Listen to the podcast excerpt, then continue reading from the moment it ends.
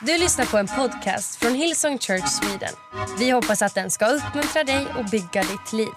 För att få mer information om Hillsong och allt som händer i kyrkan, gå in på hillsong.se. All right. Uh, jag skulle vilja tala till dig uh, de sista minuterna här. Jag säger inte många minuter, men det är, det är inte jättemånga. Men, men sådär. Du vet, eh, jag har en god vän, han heter Dan Salomonsson. Han brukar säga till mig att enda gången en predikan är riktigt högoktanig, det är när du läser Guds ord. Resten är utfyllnad och det finns någonting i det här som är bra. Jag pratade med en eh, ung predikant för ett tag sedan och han sa det är, det är så svårt liksom, att komma på nya grejer att säga och nya vinklar och nya grejer och så. Men vad är det med, alltså, så här, om du inte har någonting att säga, läs Bibeln. Läs bara Bibeln. I värsta fall så ta 30 minuter och läs en bok, Bibeln. Du vet, det finns ingenting av det som kan gå fel. Därför så är våra möten centrerade kring Guds ord. Vi är en kyrka där ordet är i centrum, eller hur? Stilen inte i centrum, uttryck inte i centrum, viben inte i centrum. Ordet är i centrum. Bibeln säger himmel och jord ska förgås. Jesus säger himmel och jord ska förgås, men mina ord ska bestå. Det är så mycket som ändras och skiftas i våra liv. Men Guds ord, det kommer alltid bestå. Därför att det är en fast klippa och det Jesus har sagt, det kan han inte ändra på. Det kan inte gå tillbaks. Spelar ingen roll vad våra omständigheter är.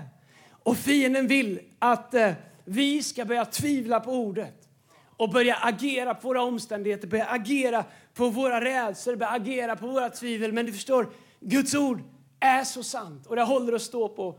De sista veckorna så har vi pratat om evigheten. Uh, vi har haft det som tema den här månaden, for the sake of eternity, för evighetens skull. Vi har läst Predikaren kapitel 3, vers 11. Och vill du ha en titel på den här predikan så heter den Evig rikedom. Ursäkta mig. Predikaren 3 och 11 står det, allt har han, alltså Gud, gjort skönt i sin tid. Också evigheten har han lagt i deras hjärtan. Men människan kan ändå inte fatta Guds gärningar från början till slut. Det är som att vi kan inte se hela bilden. Men vi känner att det finns någonting av evighet lagda i våra hjärtan. Som pockar på oss och som lockar oss till ett större liv. Som lockar oss till ett liv som är mer än det som går att stoppa in i olika fack. En längtan att få en del av någonting som har med Gud att göra, någonting som har med evighetsvärlden att göra. Och för mig så har den längtan vuxit sig större än någonsin det här året. Längtan av att få vara en länk i det som Gud gör. Det är därför jag blir så otroligt inspirerad av Asafa. Jag, jag törs inte gissa på hur, hur gammal han är. Jag tror att han är i 70-årsåldern. Hur gammal är du, sir? 73. Du vet 73 år och fortfarande har vision. Och förstå att man, ens liv är connectat till evigheten. Att det finns en mening med våra liv. Du måste inte åka som missionär, du måste inte göra de sakerna, men att bara leva våra liv för här och nu det är det bästa sättet att tappa, tappa meningen med livet. Men att förstå att vi är kallade att leva med fokus på evigheten i allting som vi gör. Det hjälper oss att förstå varför vi är här. Och en fråga som är viktig för oss att ställa oss det är vad kan mitt liv få betyda långt efter att jag är borta? Jag vet att det är stora tankar, men jag pratar till smarta människor. Du får gissa vilken campus jag menar. Vad kan mitt liv få betyda långt efter jag är borta? Vad är berömmelse och ära och glans under några dagar här på jorden? Om mitt liv inte betyder någonting när jag är borta. Om mitt liv inte fortsätter att bära frukt, min gärning inte fortsätter att bära frukt när det är klart. Vad heter den? Jag, jag har en massa gamla sånger i huvudet. Jag ska inte gå dit. De, de, de tycker jag är så gammal. Men eh, hej, ni som vet, ni vet. Eh, vad heter den? Eh, eh, levde korta dagar här en dag när du lämnar denna jord du går hem när du... Ja, Markus evangelium kapitel 14. Jag säger ju att enda gången predikan är riktigt bra när vi läser Bibeln. Nu går vi dit. Markus kapitel 14, vers 3. Okej? Okay? Ser ni när jag står i vägen? Står jag i vägen för er? Eller? Ni ser inte eller? Säg nej om ni inte ser om jag ska flytta mig. Ni ser? Okej, okay, det är bra. Bara kolla så ni är med. Alla har ju Bibeln med sig ändå, så det, men det kan ju vara någon som vill läsa det. Hej, man behöver inte ha Bibeln med sig, den står så bra där. Markus kapitel 14, vers 3. När Jesus var i Betania och låg till bords hos Simon. Det ska jag göra en predikan om. Vilken dröm. Bara ligga till bords.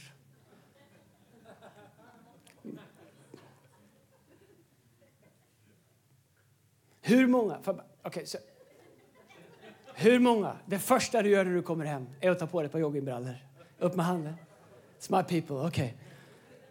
Han låg till bords hos Simon den spetälske. Då kom en kvinna fram med en alabasterflaska eh, med en alabasterflaska välluktande, dyrbar, äkta nardusolja. Hon bröt sönder flaskan och hällde innehållet över Jesu huvud, vilket retade, vilket retade några av gästerna. Vilket slöseri med olja, sa de till varandra. Den där oljan var ju värd över 300 denarer. Man kunde ha sålt den och gett pengarna till de fattiga. Och så började de skälla på henne. Märkt vad det provocerar en del människor när man vill vara en givare. Det provocerar aldrig andra givare, det provocerar bara de som inte är givare. Vad är det med givande som är så provokativt? Och varför verkar det aldrig provocera givare? Varför verkar det bara provocera dem som inte ger, som vill lägga sitt fokus på det sjuka att andra vill ge saker? Men Jesus sa, lämna henne i fred. Varför kritiserar ni henne? Hon har gjort en god gärning mot mig. De fattiga kommer ni alltid ha ibland er och ni kan göra gott mot dem hur mycket ni vill. Alltså Jesus förminskar inte. Han säger, hej, det här har inte med det att göra. Du kan hjälpa de fattiga varje dag. Inte för att fariseerna hjälpte de fattiga en enda av dagarna. Tyckte att kvinnan borde ha gjort det, men de gjorde inte det överhuvudtaget. De sög ut pengar ur alla. Men mig kommer ni inte alltid ha hos er, säger Jesus. Det är säger att det finns någonting som vi alltid gör. Klär den nakne, mättar den hungrige, besöker den ensamma. Och, eh, men det finns också tid och tillfällen när vi ger till Jesus för att han är värd det. När vi ger till Jesus för att det är rätt att göra det. Heart for the House är ett sånt, det här är ingen predikan om Heart for the House, det är inte den lång kollekt här. Men jag vill att du ska förstå varför Gud vill involvera oss i det han gör. Så det är två olika sorters givande. Och, och, Det finns de som bara tänker filantropiskt. Nej, men jag ger till behov. Jag ger inte till byggnader. Vi behöver inte massa byggnader. Och det är bara för att du inte begriper bättre. För du har inte varit här en fredagkväll och sett vad den betyder för ungdomar. Visst är det hemskt att de skjuter varandra, men det hade inte varit bättre att de hade haft någonstans att vara och fått lära känna Jesus och fått upptäcka mening med livet, fått vuxna förebilder. Du vet, vi kan inte ställa oss i den kören som bara pratar om hur hemskt det är. Vi har alltid behov ibland oss och det ska vi hjälpa och vi ska vara en del av det och vi är det. Men att bara ge till Radiohjälpen och Röda Korset, alltså, det är inget fel på det. Det är inte samma sak som att vara involverad i det som Gud kallar oss som församling och göra det. Båda är bra, men det är två olika saker. Att ge till liksom eh, äh, katastrofer i världen är jättebra. Det kallas för offergenerositet. Men det är inte samma sak som tionde. Det är något helt annorlunda. Och vi måste ha uppenbarelse över det. För du kan liksom inte så på en åker och vara arg för att det inte växer på en annan. Vi måste förstå vad det är Gud försöker lära oss. Och kvinnan här, hon har fått någonting fantastiskt från Gud. Förlåt, Jesus, förlåtelse, upprättelse. Så hon kommer med sin olja. Och hon, den här oljan som man tror var värd en årslön. Och man sparar den här oljan för att man skulle smörja in sig i den, den här parfymen på, till bröllopsnatten. Så den hade en symbolisk värde också. Det var något dyrbart som en ogift kvinna hade. När hon hade ett förflutet som var fyllt av skam. Och istället för att spara den till en bröllopsnatt kanske tänkte hon liksom att hon med sitt liv hade försakat det. Så hon tar den här dyrbara oljan som är värd en hel årslön. Så bryter hon den och så smörjer hon Jesu fötter med den. Varför? Luktade Jesu fötter illa? Var det liksom, fyllde hon ett behov? Nej, hon gav värde till någonting. Och fariséerna säger, men vilka, Jesus behöver ingen olja på sina fötter? Det här är helt ologiskt bortkastat. Varför gör vi det? Någon kanske tänker, Måste man fylla Globen? Eller det vet jag folk tänker, för jag får sådana mejl, inte från vår kyrka, men från de som inte ska komma och de som inte ska bli med någon och överhuvudtaget inte ska vara med och göra eller ge till det. Men ändå tycker att det är... Måste man vara i Globen? Nej, det måste man inte vara. Men det är bra om det får plats många, men du förstår, det finns någonting i det här som vi behöver förstå. Om du ska förstå kraften i att vara en kanal för Gud och förlösa Guds kraft i ditt liv, förlösa Guds kraft i vår kyrka. Jesu fötter behövde inte olja. Kvinnan behövde få ge oljan till Jesus. För, för henne var, var det absolut nödvändigt att få ge uttryck för den tacksamhet och det värde som hon ville ge till Jesus för vad Jesus hade gjort för henne. Men de som var runt omkring förstod det inte. Därför att nummer ett, de hade ingen uppenbarelse om sitt eget behov av Jesus. De var självgoda och självrättfärdiga. Dessutom var de religiösa hycklare som tyckte att det där pengarna, du kunde ha sålt den oljan och mättat fattiga. Men Jesus säger, de fattiga kan vi mätta varje dag. Det är inte fel att göra det. Men det betyder inte att vi inte kan ge ett offer till Gud för att han är värd det. Att vi inte kan ta någonting som värde sig. Du kan inte ge bort. Du kan inte ge bort din alabasterflaska. Den ska du ha när du gifter dig. Det, har vi, det är ju liksom kulturellt. det kan du inte göra. Det finns folk i Heart for the House som gett bort en bil. Eller bort, så, och du vet, så här, och vi pratar inte om det därför att det spelar liksom ingen roll. Det är inte det som är grejen. Var och en gör vad man kan. Och vi mäter inte liksom... Det, det, det, det, det, givande handlar inte om hur mycket du ger egentligen. Det handlar om hur mycket du har kvar. Men här finns en uppenbarelse hos den här kvinnan. Och när omvärlden försöker korrigera henne så kliver Jesus in och säger hej, lämna henne i fred. Hon har gjort någonting bra. Kolla vad det står sen. De fattiga kommer ni alltid ha ibland er och ni kan göra gott mot dem hur mycket ni vill. Men mig kommer ni inte alltid ha hos er. Den här kvinnan har gjort vad hon kunde. Hon har i förväg smort min kropp inför begravningen. Alltså det är som att Jesus länkade kvin kvinnan blir nu del av det som är Jesus stora uppdrag. Fariséerna fattar inte varför hon ska ge den här gåvan. Men det är som att Jesus säger det hon har gjort det är en lovsång. Det hon har gjort, hon har smort min kropp. Kommer ni ihåg att det kom kvinnor för att smörja Jesus? Eller hur? Var han där då? Nej, det var han inte. Det var för sent. Han hade redan uppstått. Men den här kvinnan smorde Jesus innan han hade dött. Av tacksamhet. Av att vilja ge tillbaks. Av honor. Av tillbedjan. Så föll hon vid hans fötter för vad hon, han hade gjort för henne. Och hon smorde hans fötter. Man kan tycka att det är en waste att hon häller sin, sin olja över honom. Att hon smörjer hans fötter. Men det är, it's an act of worship. It's an act of honor. Det är en akt av tillbedjan. Så säger Jesus så här, sannerligen säger jag er. Överallt i världen där man förkunnar evangeliet ska man berätta om det hon nyss gjorde och komma ihåg henne. Det är helt otroligt. Vi gör det idag. Varför? Därför att hon kom till Jesus med tacksamhet. Hon hade blivit upprättad. Världen såg fortfarande på henne med skam. Och hon gav ett annat slags offer. En faristen som stod vid muren och tittade på en syndare och sa tack gode Gud att jag inte är som han i alla fall. Jesus säger att ni ger gåvor när folk ser. Ni säger de rätta orden i det offentliga, men ni är huggormar när ingen annan ser. Ni polerar bägaren på utsidan, men den är full av smuts på insidan. Ni är hycklare. Jesus säger om fariséerna, ni har ett sken av Guds fruktan. Men ni vill inte veta av dess kraft. Här kommer en kvinna. Hon är för det första inte ens värdig att vara nära Jesus. Hon har en historia, hon har en stämpel, hon har en etikett. Men hon har en sån tacksamhet. Att det är som att samma sak som när David tackade Gud. Och jag ska inte illustrera det. Men du förstår, han är så tacksam till Gud. Han är så fylld av tacksamhet till Gud. Så att han börjar dansa inför Gud. Äh, och du vet så här, kan jag bara säga några av er, ni skulle behöva dansa lite. Nej men ni är så stela. Och ni är så präktiga.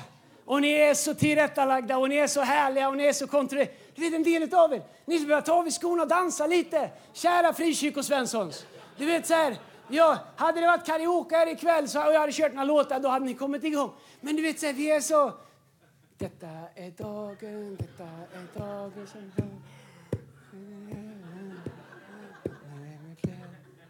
Okej, okay, lovsång. Ja, men jag är med lite så här. Oh, lite feeling, jag kör den. Okej, okay, och nu verkar de köra den. Och, och nu skruvar de glödlampor här. Och nu, nu kör jag vagga bebisen här. Ja, bära tvn. Och du vet så här. Men det är bara för att vi har glömt bort vad Gud har gjort för oss. Om vi visste hur illa det hade varit med oss om Jesus inte hade frälst oss, då hade vi struntat fullständigt i vad grannen tyckte. Nej, vi, ja, du behöver inte dansa så, men du får dansa som de gjorde förr. Så här då. När det, du vet, då hade, då hade vi bara tänkt, Gud, hur kan jag tacka dig idag? Bibeln säger, låt allt vad anda har ära Herren. Låt all, ära Herren med era kroppar, med era ägodelar. Dansa inför honom. Blås i trumpeter, det tar du inte med någon. Det har vi vakter som har hand om. Och inga chaufförer heller. Och, och liksom, ta det lugnt om du tänker springa med flaggor här. Vet, finns människor men det är så här, vi har liksom missat kraften i vad det är som föder en riktig tacksamhet. För David, han är så tacksam för Gud så han börjar dansa inför Gud och han får feeling. Han, det passar ju den här veckan. Han tog av sin kavaj. Spott, oh, gjorde men, och han börjar dansa. Ta av sig kavajen, ta av sig kavajen, sparka av sig båda skorna. Och sen... Äh, da. Okej, ni kan den. Tack ska ni ha. Vi provar en lovsång. Äh, jag kan också. Eh, eh, till Lasse som har gått vidare. Men grejen är, hans fru Davids fru kommer och säger David, du är kung. David, du är kung. Du, kan inte, du skämmer ut dig. Hur ska du kunna leda ditt folk? Hur ska du kunna leda ditt folk om de inte ser dig som den stora uppburen kungen? Hur ska människor respektera dig? David, du är kung, du måste vara värdig. Vet, en del av vår kyrka som vi alltid säger att de som är på scenen de behöver vara först i foajén.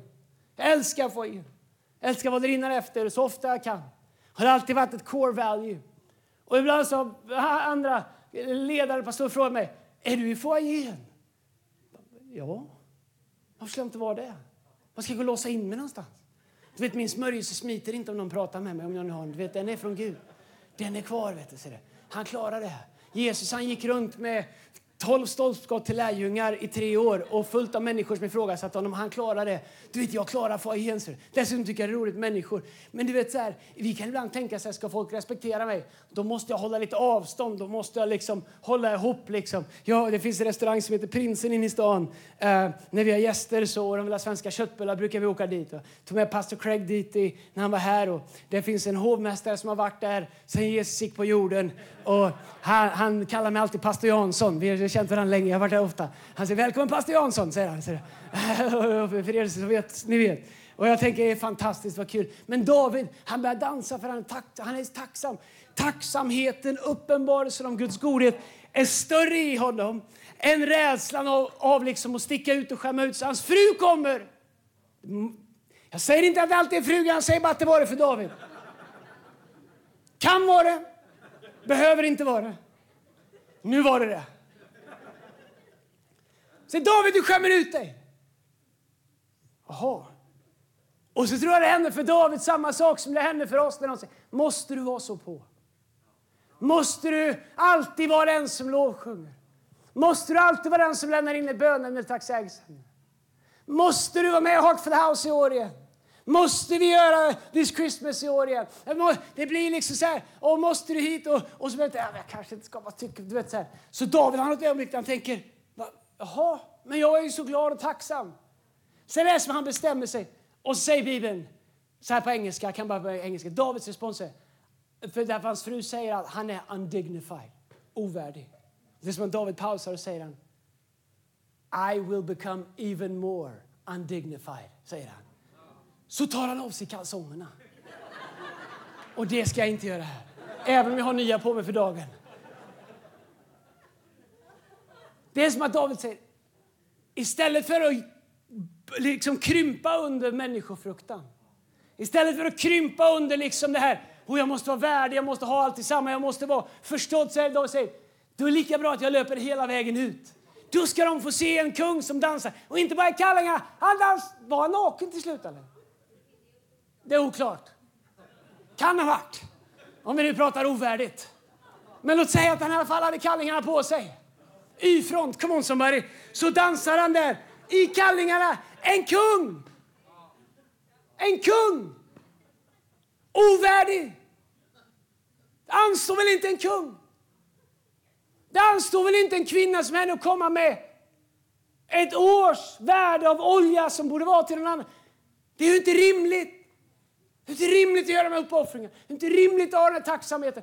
Men vad är det i våra liv som går förlorat när vi tappar bort den djupa uppenbarelsen om vad frälsningen har gjort i våra liv och vad Gud har betytt i våra liv. Och den största lögnen som fienden, jag hade tänkt predika en predikan, eh, men så gjorde jag den här och så nu kanske jag tänker jag ska predika den andra, men det ska jag inte göra. Jag får ta den i Göteborg ikväll.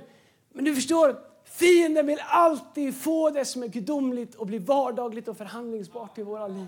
Han säger inte att vi måste sluta göra det. Han försöker bara få oss att tappa bort liksom vad det verkligen handlar om. Därför att han vet kraften i sacrifice. Han vet kraften i att sätta Gud på sin tron. Han vet kraften i att leva switched on för Jesus. Han vet kraften i att bli missförstådd. Han vet kraften i att vara en dåre för Kristus. Paulus säger vi har blivit dårar för Kristus. Frälsningen är en dårskap, säger Bibeln.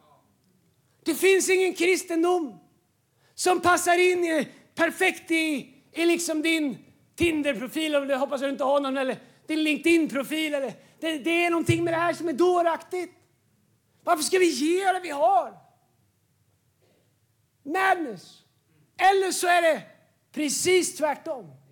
Men fienden har förblindat ibland även Guds folks ögon.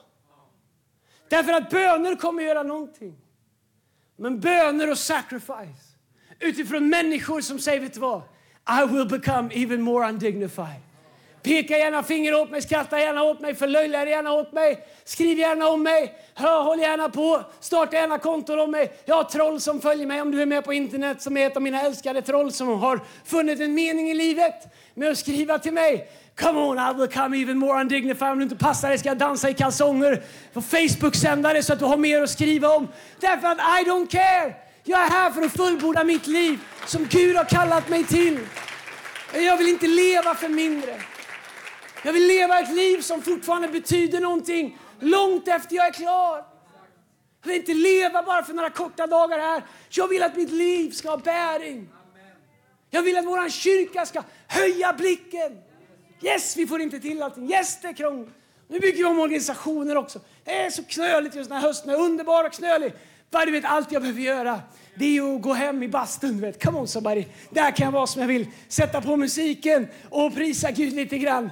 Med eller utan kalling upp så här. Men du förstår det. Du, och då måste jag lyfta mina perspektiv. För at the end of the day, jag är ingen VD. Hey, vi vill ha en organisation och vi försöker och vi kämpar och vi håller på. At the end of the day, det är vad det är, vi ska göra vårt bästa. Men at the end of the day så finns det en generation bakom oss som måste ha en länk från det som ligger framför. Så vi kan inte droppa det Gud har kallat oss till att göra. Du vet, vi behöver vara dem. Ibland så när jag har skojat, eller inte skojat, men jag har sagt att jag menar inte det här illa. Om du lyssnar på det här och du tänker Hillson tycker alltid de är bättre, det tycker jag inte. Eller så att jag tycker det mesta vi gör, inte vi, eller jag gör i alla fall, inte vi får till. Det är inte många dagar som man åker hem och klappar sig själv på ryggen, utan det är liksom inte wirade så. Men ibland när jag har beskrivit vår kyrka för de som är nära, liksom så där som man kan vara lite mer transparent med.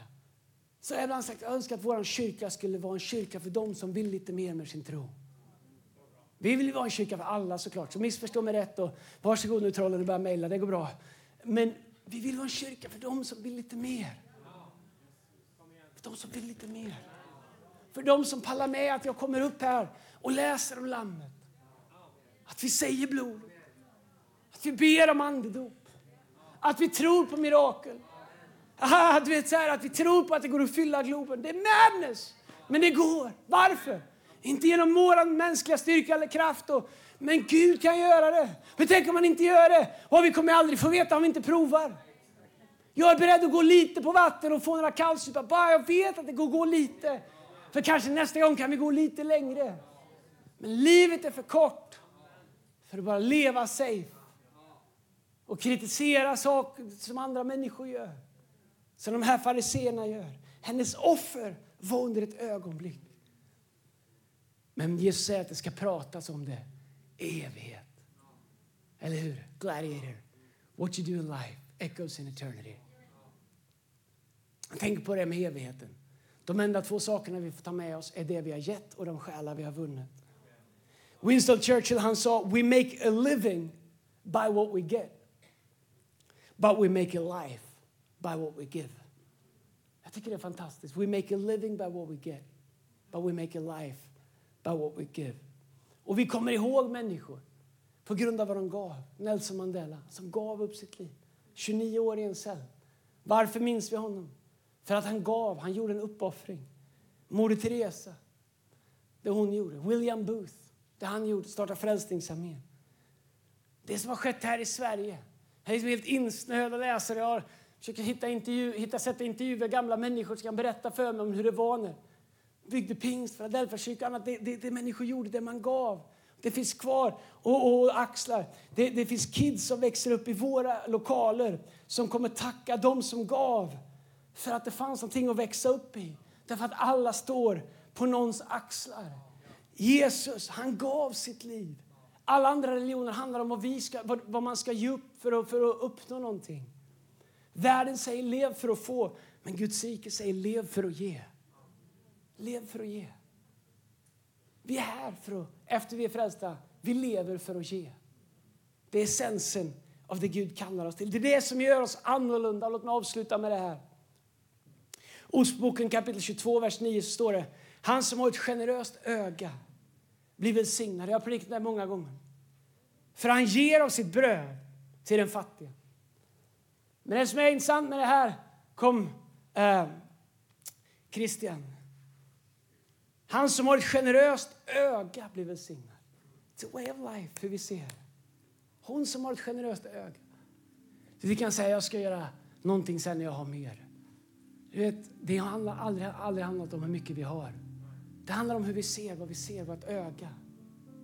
Och vårt öga kommer alltid reflektera vår ande, vår uppenbarelse. Jesaja 32.8 i engelska översättningen står det But a generous man devices. Det betyder tänker ut, hittar på, letar efter generous things. Och så står det And by generosity he shall stand. Som kraft är i generositet. By generosity he shall stand. Vad är det som får oss att stå? Är det vår egen styrka? Är det vår egen kraft? Åh, oh, vad, vi ibland, vad vi vacklar i knäna ibland. Ibland kan man tänka när man har, livet är fullt upp, det, liksom, det känns som man har vatten upp hit. Vet, jag har upptäckt ibland när man har som minst att ge, att bara göra någonting, eh, oavsett hur obetydligt det känns för någon annan, det ger oss sån kraft Det ger oss sån kraft. Fienden vill alltid ta bort vårt säd. Han vill alltid ta bort vad vi är.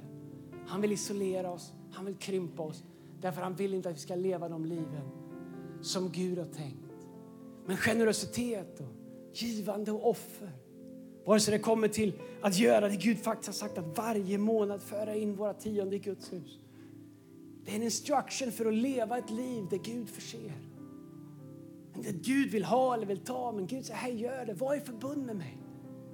Kom in i mitt förbund och se vad jag gör i ditt liv. Generositet är ett filter som vi ser på vår omgivning med. Vet du vad som händer när man ger? Man blir generös. Och det påverkar också hur vi ser. En människa som bara är självfokuserad kommer se alla andra människor som ett hot. Eller som en tävling. Eller som någonting som man liksom vill se ner på därför att man ser det som ett hot. En, generö- en givare får ett generöst öga, ett generöst filter. Ser det bästa, kan välsigna andras framgång, gläds med andra människor. It, it's a heart thing. Generositet är en aktiv handling som visar vad vårt hjärta egentligen är. Generositet är bara svårt när vi tror att någonting lämnar våra liv. Det är det som är grejen med Gud. Du kan ge hur mycket som helst. Ändå så lämnar aldrig ditt liv. Generositet är bara svårt. När vi nu tar jag det här och så ger jag upp det. Nu, nu har jag förlorat någonting. Du har aldrig förlorat någonting. Nummer ett säger Bibeln att Gud ska välsigna 30, 60, 100 fall. Men att vara i förbund med Gud gör att ingenting någonsin lämnar våra liv. Utan Bibeln säger att Gud ger såningsmannen säd och så. Den som har en uppenbarelse för det här, Gud kommer fylla på så att det finns mer och så. För Gud letar efter möjligheter för Guds folk att vara en blessing. Så han, Gud har, säger Bibeln, de här rikedomarna och vi tappar inte in i dem. Det är som att Gud har, han säger hej, du vet det svämmar över, säger Gud, av, av resurser. Alla handlar resurser och jag vill få ut dem på jorden. Men jag letar efter människor som kan få en uppenbarelse av att sätta mig först, att ha en uppenbarelse om tro, ha en uppenbarelse om givande och sacrifice och förvaltande så att jag kan göra dem till en kanal. Så Bibeln säger att den som, den som, den som ger lite får lite. Varför? Därför att du behöver ju så lite, du ger så lite så Gud behöver inte fylla på så mycket. Men den som ger mycket, säger Bibeln, får mycket. Varför? Därför att Gud kan ju fylla på genom den personen mycket. Bibeln säger den ene strör ut men får ändå mer. Den ena håller i allting men får ändå mindre. Vi måste, vi måste ändra vårt perspektiv på Gud. Gud vill inte ha din tionde. Han vill bara vara i förbund med dig så att du kan vara en kanal. Han vill, han vill ge mycket mer till ditt liv än de 10 procenten som han har bett att du ska ge till honom. Han vill liksom inte ha bara ett, liksom ett stort sacrifice i Heart for the House en gång om året så att det ska kännas i ditt liv. Nej, han vill ha en säd från dig som han kan jobba med och välsigna och ge tillbaks i ditt liv, men genom ditt liv också. Varför? Därför att han vill att våra hjärtan ska vara centrerade till vad det är att följa Jesus och leva för honom och använda honom precis som den där kvinnan gjorde när hon kom och bröt ut sin olja. Och Jesus säger, låt henne vara, hon har gjort något fint som ni inte gjorde. Hon har smort min kropp även i förväg, profetiskt. Och jag kommer prata om henne i alla tider. Tänk om vi kunde vara de människorna. Come on Church, Hillsong Church, våra camps här i Jönköping. Malmö, Örebro, Göteborg och city och här i norra och online, vart du än är. Jag vet att det är annorlunda, men det är det vi är här för. Gud är annorlunda. Han har ett annat sätt att göra saker En längtan så att vi som kyrka skulle få kliva in ännu mer i det. För, för, så att vi kan göra allt vad Gud har kallat oss till. Men vet du, jag längtar efter att du skulle få kliva in i det. Jag, älskar, jag längtar att du skulle få upptäcka hur Gud, hur Gud är, att du är förbunden med Gud. Du som kanske kämpar med givande och tänker åh nu vill han ha, nu ska de ta, nu pratar de om pengar. Bla, bla, bla. Du vet, det där är bara djävulen som har klistrat på kyrkan. Som du vet, så här, som, som att det handlar om pengar. Det handlar inte något om det. Det finns inga aktieutdelningar här. Du har inga aktier. Du får liksom med. Vi, tar, vi har gett 14,5 miljoner till mission på fem år. Vi vill göra skillnad. Vi vill göra skillnad. Men vi vill också leva de liv som Gud har tänkt. Så, it's a hard Vet Gud, han började med att ge. Så älskar Gud den här världen att han gav sin enda son. Det står inte så älskar Gud den här världen att han sa att alla de som kunde få ihop 50 000 skulle få bli frälsta. Han var inte om någonting. Han sa han älskar den här världen så mycket att han gav den sin enda son. Det är inte det att Gud behöver det. Men Guds rike behöver det. Och vi behöver ge. Därför att offer i tro vaccinerar våra hjärtan mot självupptagenhet. Mot att bli våra egna gudar. Den jag litar mest på i livet är den jag tillber. Om jag litar mest på mig själv så tillber jag mig själv. Problemet är när jag behöver mirakel och ska tillbe mig själv är att det kommer så lite mirakel. Men för Gud är ingenting omöjligt. Och jag bryr mig inte om vad någon gör här. Jag, jag, inte, säger inte det för att lägga press på någon. Det är bara en djup, djup önskan att du skulle förstå att du kan ha förtroende för Gud. Att du kan lita på hans ord. Att Gud är intresserad av att använda dig.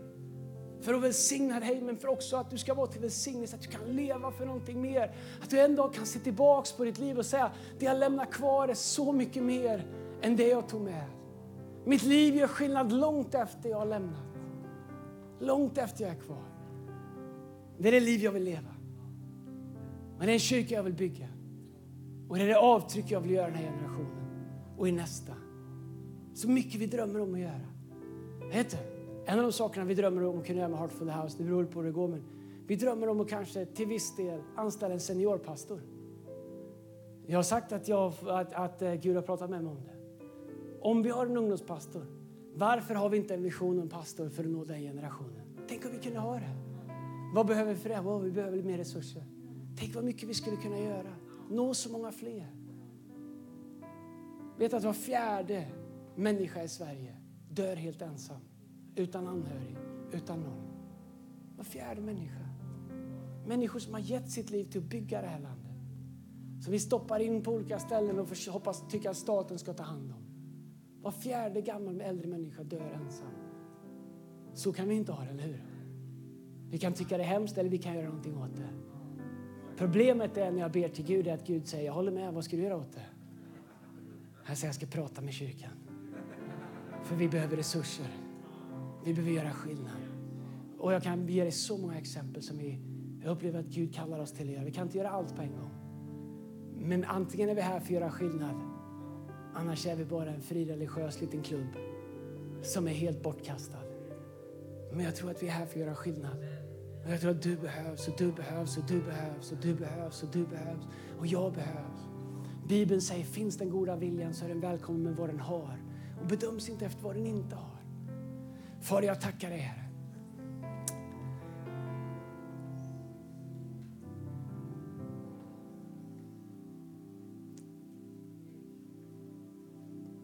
Gud, jag ber att det är en tid där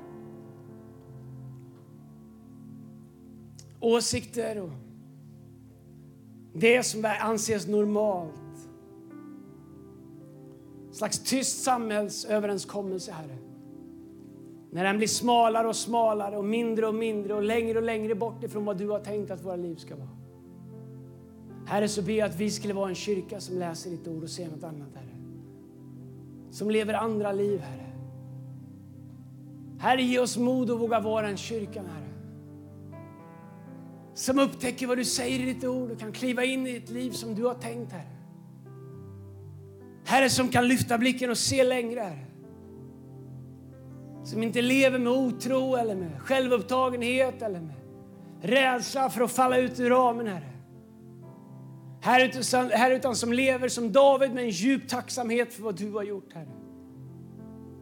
Som säger jag kan bli ännu mer ovärdig om det är det som behövs för att visa hur tacksam jag är för vad Gud har gjort. Herre, hjälp oss att leva som kvinnan gjorde som bröt sin olja för att ära Jesus och tillbe honom och tacka honom och uttrycka sin tacksamhet. Herre.